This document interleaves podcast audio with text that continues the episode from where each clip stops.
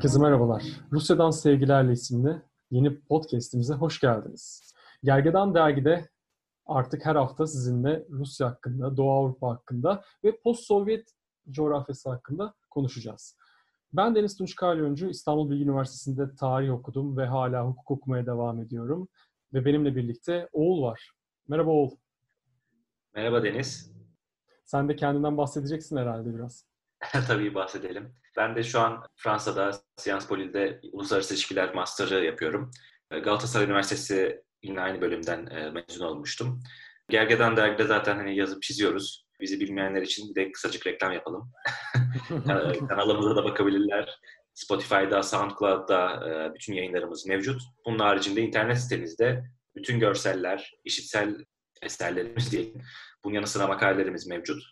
E, şimdiden iyi seyirler dilerim. İyi dinlemeler, iyi seyirler. Çünkü videolu da yapacağız ilerleyen zamanlarda. Bu da sürpriz olsun. Güzel düzelttin. Bugün iki tane temel konumuz var. Bunlardan bir tanesi Alexei Navalny. Zaten son bir ayda hem Almanya'yı hem İngiltere hem Rusya'yı oldukça karıştıran bir figür oldu. Daha öncesi de var bu meselenin. İkincisi de hem Türkiye'de hem dünyada konuşulmaya devam eden Belarus ve Lukashenko meselesi var. Alakalı bir şeyler tabii ki söyleyeceğiz. Öncelikle Navalny ile başlayacağız. Bilmeyenler için kısa bir özet geçelim. Neler oldu? Alexei Navalny zehirlendi. Bu zehirlenme süreci nasıl gerçekleşti? Sorun Almanya'ya gitti. Bu kısa yani bir aylık süreçten ufak olarak bahsedelim. Ondan sonra bu durumun etkilerini tartışmaya başlarız.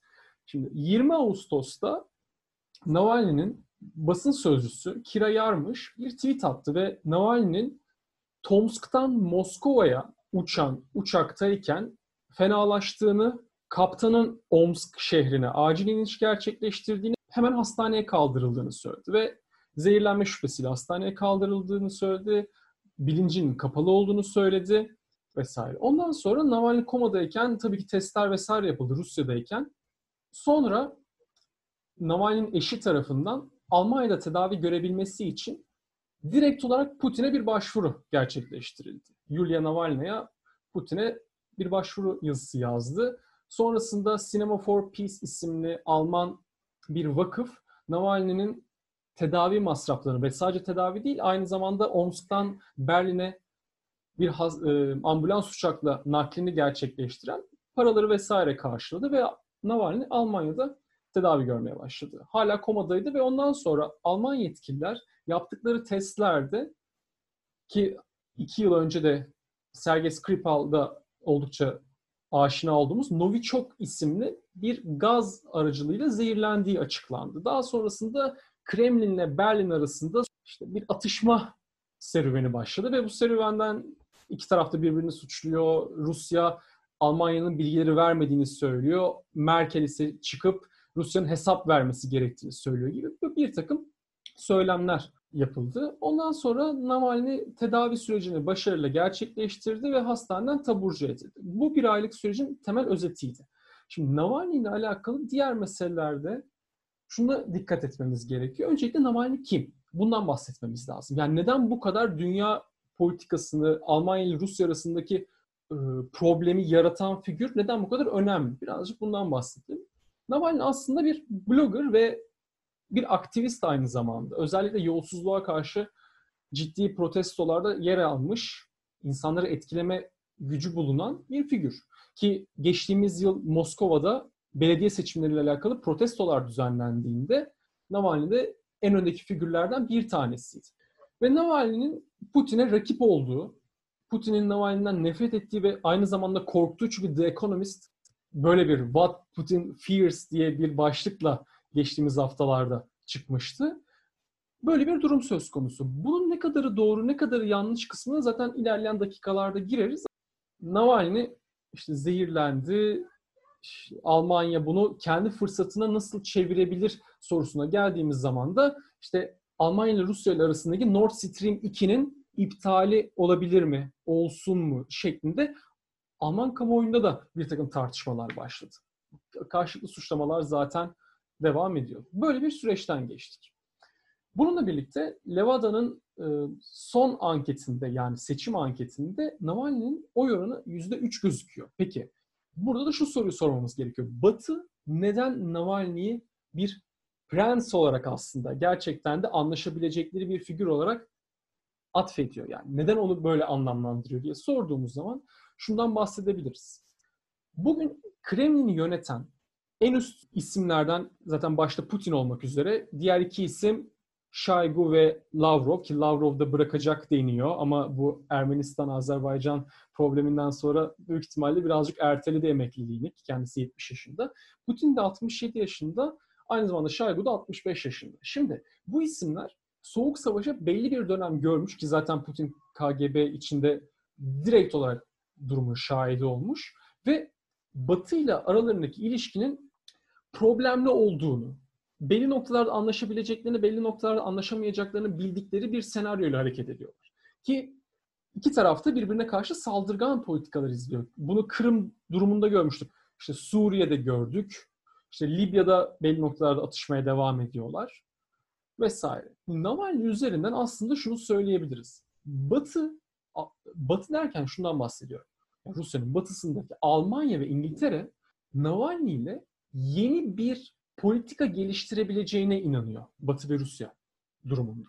Yani hem genç 40 yaşlarının ortasında hem neoliberal politikaları destekleyebilecek siyaseten liberal olan bir figür. Onunla aslında o soğuk savaşın ya da şimdiki soğuk savaşın kasvetli havasından çıkıp yeni ilişkiler kurabilir miyiz diye aslında Almanya'nın ve İngiltere'nin bir takım savları ve görüşleri var. Ve Navalny üzerinden bunu direkt olarak gerçekleştirmek istiyorlar veya en azından bunu böyle yapabileceklerine dair bir düşünceleri var diyebiliriz. Genel olarak durum böyle. Şimdi sözü sana bırakayım. Sen ne eklemek istersin? Yani zaten çok güzel özetledin durumu. Navalny'nin hani aslında hep sorulan bir soru. E, bu kadar az oy oranıyla, bu kadar az destekle nasıl bu kadar çok fırtınalar yarattığı düşünülebiliyor Batı dünyasında diye. Halbuki e, benim de takip edebildiğim kadarıyla kendisi popüler bir figür. Özellikle gençler arasında bu senin bahsettiğin yolsuzluğa karşı kurduğu vakıf ve internetteki videolar aracılığıyla yaptığı e, yayınlar Putin'e karşı muhalefetin önemli bir sac ayağını oluşturuyordu. Onun, şimdi bunun zehirlenmesi hususunda benim bakışım biraz daha dallanıp budaklanıyor. Aslında tam bir sonuca varamıyorum. Ee, internette gördüğümüz kadarıyla basından tabii basında takip ettiğimiz özellikle yabancı basında okuduğumuz kadarıyla analistlerin, uzmanların büyük çoğunluğu Putin'in bu işin arka planında olduğu kanaatinde. Ki zaten olaya soğuk savaş perspektifinden bakanlar, olaya genel olarak anti-Rus, e, Rusofobik düşüncelerle baka, yazıp çizenler hani bunu ta Sovyetler Birliği'nin e, işte Sovyetler Birliği'ndeki zehirleme geleneklerine bağlıyor. İşte yoksa tabii şunu ekleme yapayım, lafını bölüyorum ama bunu Trump da yaptı ilk zamanlarda. Yani zehirlenmenin Almanya tarafından açıklandığı tarihten sonra burada da şey düşünmemiz lazım. Yani Kasım'da Amerika'da seçimler var ve her seçim öncesinde özellikle cumhuriyetçiler ama ki demokratlar da yapıyorlar. Bir Rusofobik o angajmana giriyorlar. Yani evet. o söylemlerle aslında işte Rusya bizi tehdit ediyor. Yine bakın oylarımıza karışırlar.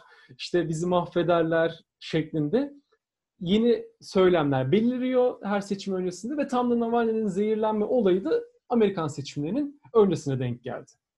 Evet hani sen işaret ettiğin gibi e, pek çok şeyin dönemecide denk geldi. İşte Amerikan seçimleri, bu bahsettiğin Nord Stream olayı, üstüne Belarus'taki, Belarus'taki eylemler. Bu anti-Rus perspektifi maalesef aslında pek çok şeyi gölgeliyor. Şu an tabii bizim programdaki amacımız dedektiflik değil fakat e, pek çok açıdan Putin'in bu zehirlenmeden pek bir getirisinin olmayacağını düşünebiliriz. E, çünkü geçmişteki e, susturulan muhalifleri ya da Putin karşılarının nasıl kolayca ortadan kaldırıldığını biliyoruz. Litvinenko olayı. Bir sürü ee, Daha sonra e, Nemtsov var. Ki zaten Nemtsov vurularak öldürüldü. Yani tabii, zehirlenme Çeçenler tarafından. Tabii, tabii. Çeçenler tarafından öldürüldüğü söylendi. Onun üstüne... Orada da, orada da Kadirov'un parmağı olduğu söyleniyor. Bir sürü şey söyleniyor tabii. Tabii. Onun üstüne İngiltere'de yaşanan Novichok olayı. Hani eğer Putin bir şey cidden isteyecek olsa niçin sonuçsuz bıraksın? Niçin işte havaalanında içilen çaya atılan minicik bir zehirle, minicik derken tabii olayı küçümsemiyorum hani sonuçta, etkisiz kaldığını söyleyebiliriz şu an biz bu suikast olayının. E, ne getirisi olabilir. Öte yandan şunu da düşünmek lazım. Ne götürüsü de olabilir.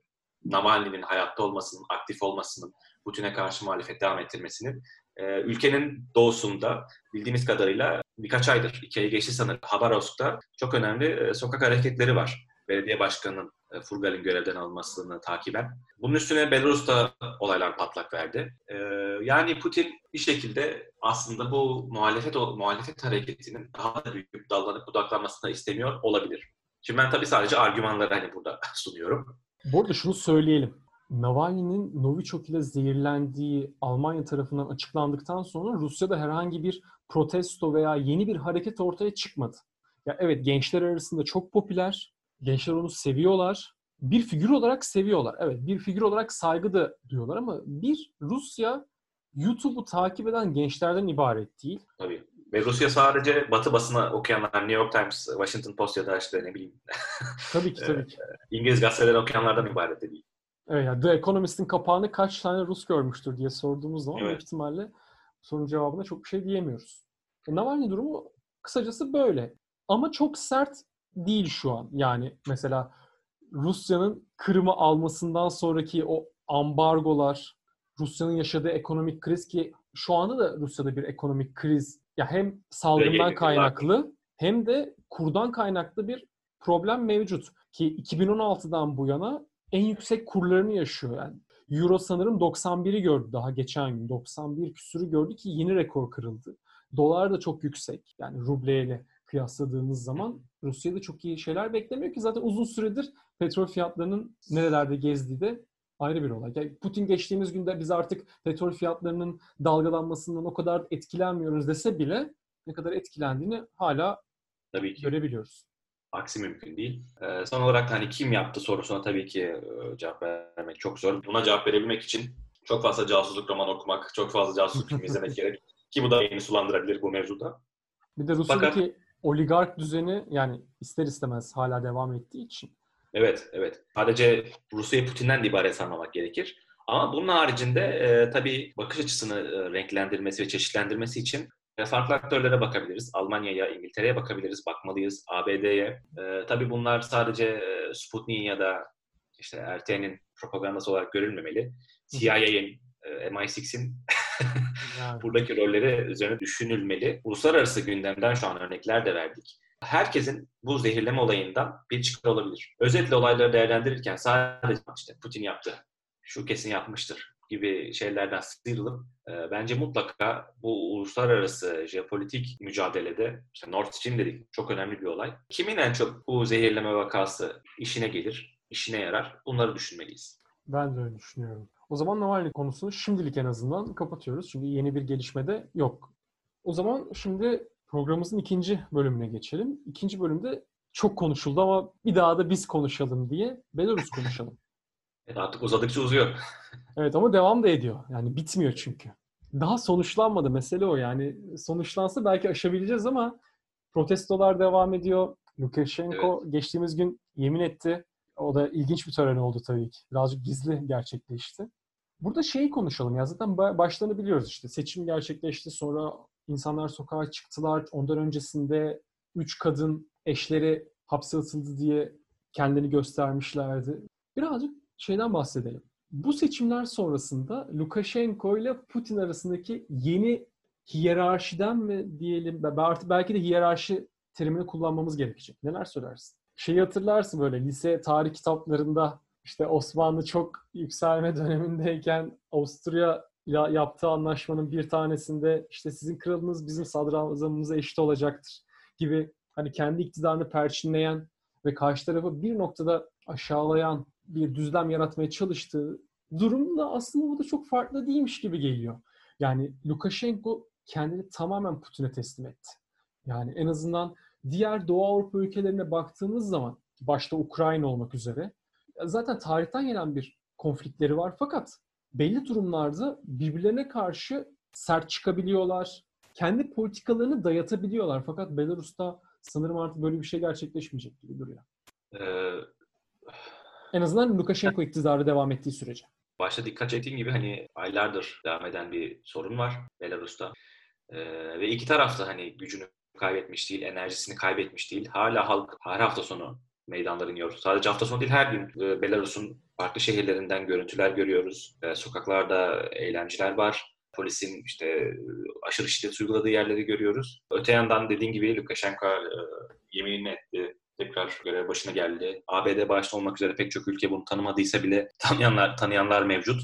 Aslında diyebiliriz ki bir ay öncesinde işte Ağustos ortalarında, Ağustos sonunda Belarus hakkında bütün uzmanların kesin kanaatleri vardı. Tamam işte halk sokaklara indi. İşte on binlerce kişi, yüz binlerce kişi Minsk'te gösterilerde bulunuyor. Lukashenko'nun nasıl işçiler tarafından hakarete uğradığına dair videolar sosyal medyada paylaşılıyordu. Herkes kesin gözüyle bakıyordu gittiğine. Fakat bir anda hiçbir şeyin e, Lukashenko'nun aleyhine olmadığını gördük. E, bunda en büyük payı tabii ki Putin Putin'in. Kremlin'in aldığı kararlar sadece bence ömrünü uzatmakla kalmadı. Bu Cumhurbaşkanlığı devrini de e, garanti altına aldığı gibi duruyor şimdilik. Çünkü e, Avrupa'dan ya da e, Amerika Birleşik Devletleri'nden çok güçlü bir artık tepki gelmiyor. Tabii ki Lukashenko'yu istemiyorlar ama şartlar bunu gerektirirse mecbur onunla birlikte hareket etmeye başlayacaklar. Ki Lukashenko da ilginç taktikler izledi. Yani belli yazarlar, belli analistler bunlardan bahsettiler zaten. İşte önce sert bir OMON fırtınası esti. İşe yaramadığı fark edildiğinde hem askerden hem OMON'dan artık çiçek alıp vermeler başladı. Orada da şey düşünüldü. Yani acaba taraf mı değiştiriyor polis ve asker diye düşünüldü. Ondan evet. sonra tekrardan bir sertlik başladı. Aynı zamanda bu sefer Lukashenko'nun taraftarları da sokağa inmeye başladılar. Ki bazıları silahlı paramiliter güç olarak adlandırılabilir ama bazıları da gerçekten oldukça barışçı eylemler yapıyorlar ki bir video görmüştük. Aynı sokakta iki taraftan gelen iki grup birbirlerinin yanından sloganlar atarak geçiyorlar ve hiçbir fiziksel müdahalede bulunmuyorlar birbirlerine. Böyle görüntüler görüntüler. Aynen aynen. Böyle bir durum. Evet o sebeple hani Putin'e muhtemelen yatıp kalıp dua ediyordur. Senin bahsettiğin şekilde belki bir tablo ortaya çoktan çıktı. Ee, zaten hani en son görüşmeleri olay olmuştu. Hani oturma pozisyonlarından birbirlerine karşı bakışları, e, işte büyük abi söylemi. Ama tabii buradan acaba belki akıllarda şu soru vardır. İşte bu aslında bir birlik, bir birlik devleti oluşturuyor Belarus ve Rusya. Lukashenko'ya verilen bu destek ileride nasıl siyasi, nasıl ekonomik ve belki askeri sonuçlar doğuracak? Bir birlik nasıl anlaşmaları var zaten. İkili bir birlik anlaşmaları var. Evet evet. Fakat gittikçe Sovyetleri andıran bir düzenleri de var. Yani en azından tabii haritada yok ya da hukuken yok. Fakat söylemler birazcık onu çağrıştırmaya başladı ki hatırlarsın 24 Haziran'da Büyük Vatanseverlik Savaşı'nın 75. yılının kutlamaları yapıldığında birçok lider gibi Lukashenko da Moskova'ya gitti ve Kızıl Meydan'daki tribünlerden hoş geldiniz arkadaşlar diye seslenildiğinde Lukashenko da şu cevabı vermişti. Yani hoş bulduk. Ee, ana vatanın başkentine geldik demişti. Yani buradaki ana vatan Rodina Might yani zaten Sovyetler Birliği'ni temsil ediyor. Evet ve hani e, altını çizdiğin gibi yaşanan olaylar hiçbir şekilde Ukrayna ile korkulduğu üzere Ukrayna ile bir benzerlik göstermedi. Tabii henüz hani bu kadar erken de konuşmamak lazım. Bundan sonra ne olacağını tahmin edemeyiz. Fakat görünen o ki e, şu anda durum gayet e, Moskova'nın, Kremlin'in lehine. Ama öte yandan muhalif liderler, işte sürgünde olsalar ya da olmasalar bile e, meydanlara inmeye devam ediyorlar, e, röportaj vermeye devam ediyorlar. Ki hali hazırda bazı ülkeler Svetlana Tikhanovskaya'yı da tıpkı Venezuela'da olduğu gibi geçici lider olarak kabul ediyorlar resmi lider olarak kabul ediyorlar. Ama muhtemelen bu statüko daha bir süre korunacak gibi duruyor bana. Bana öyle geliyor. O halde bu programlık söyleyeceklerimiz bu kadardı. Her hafta farklı konularda konuşmaya devam edeceğiz. Ve aynı zamanda sadece gündemi değerlendirmekle kalmayacağız.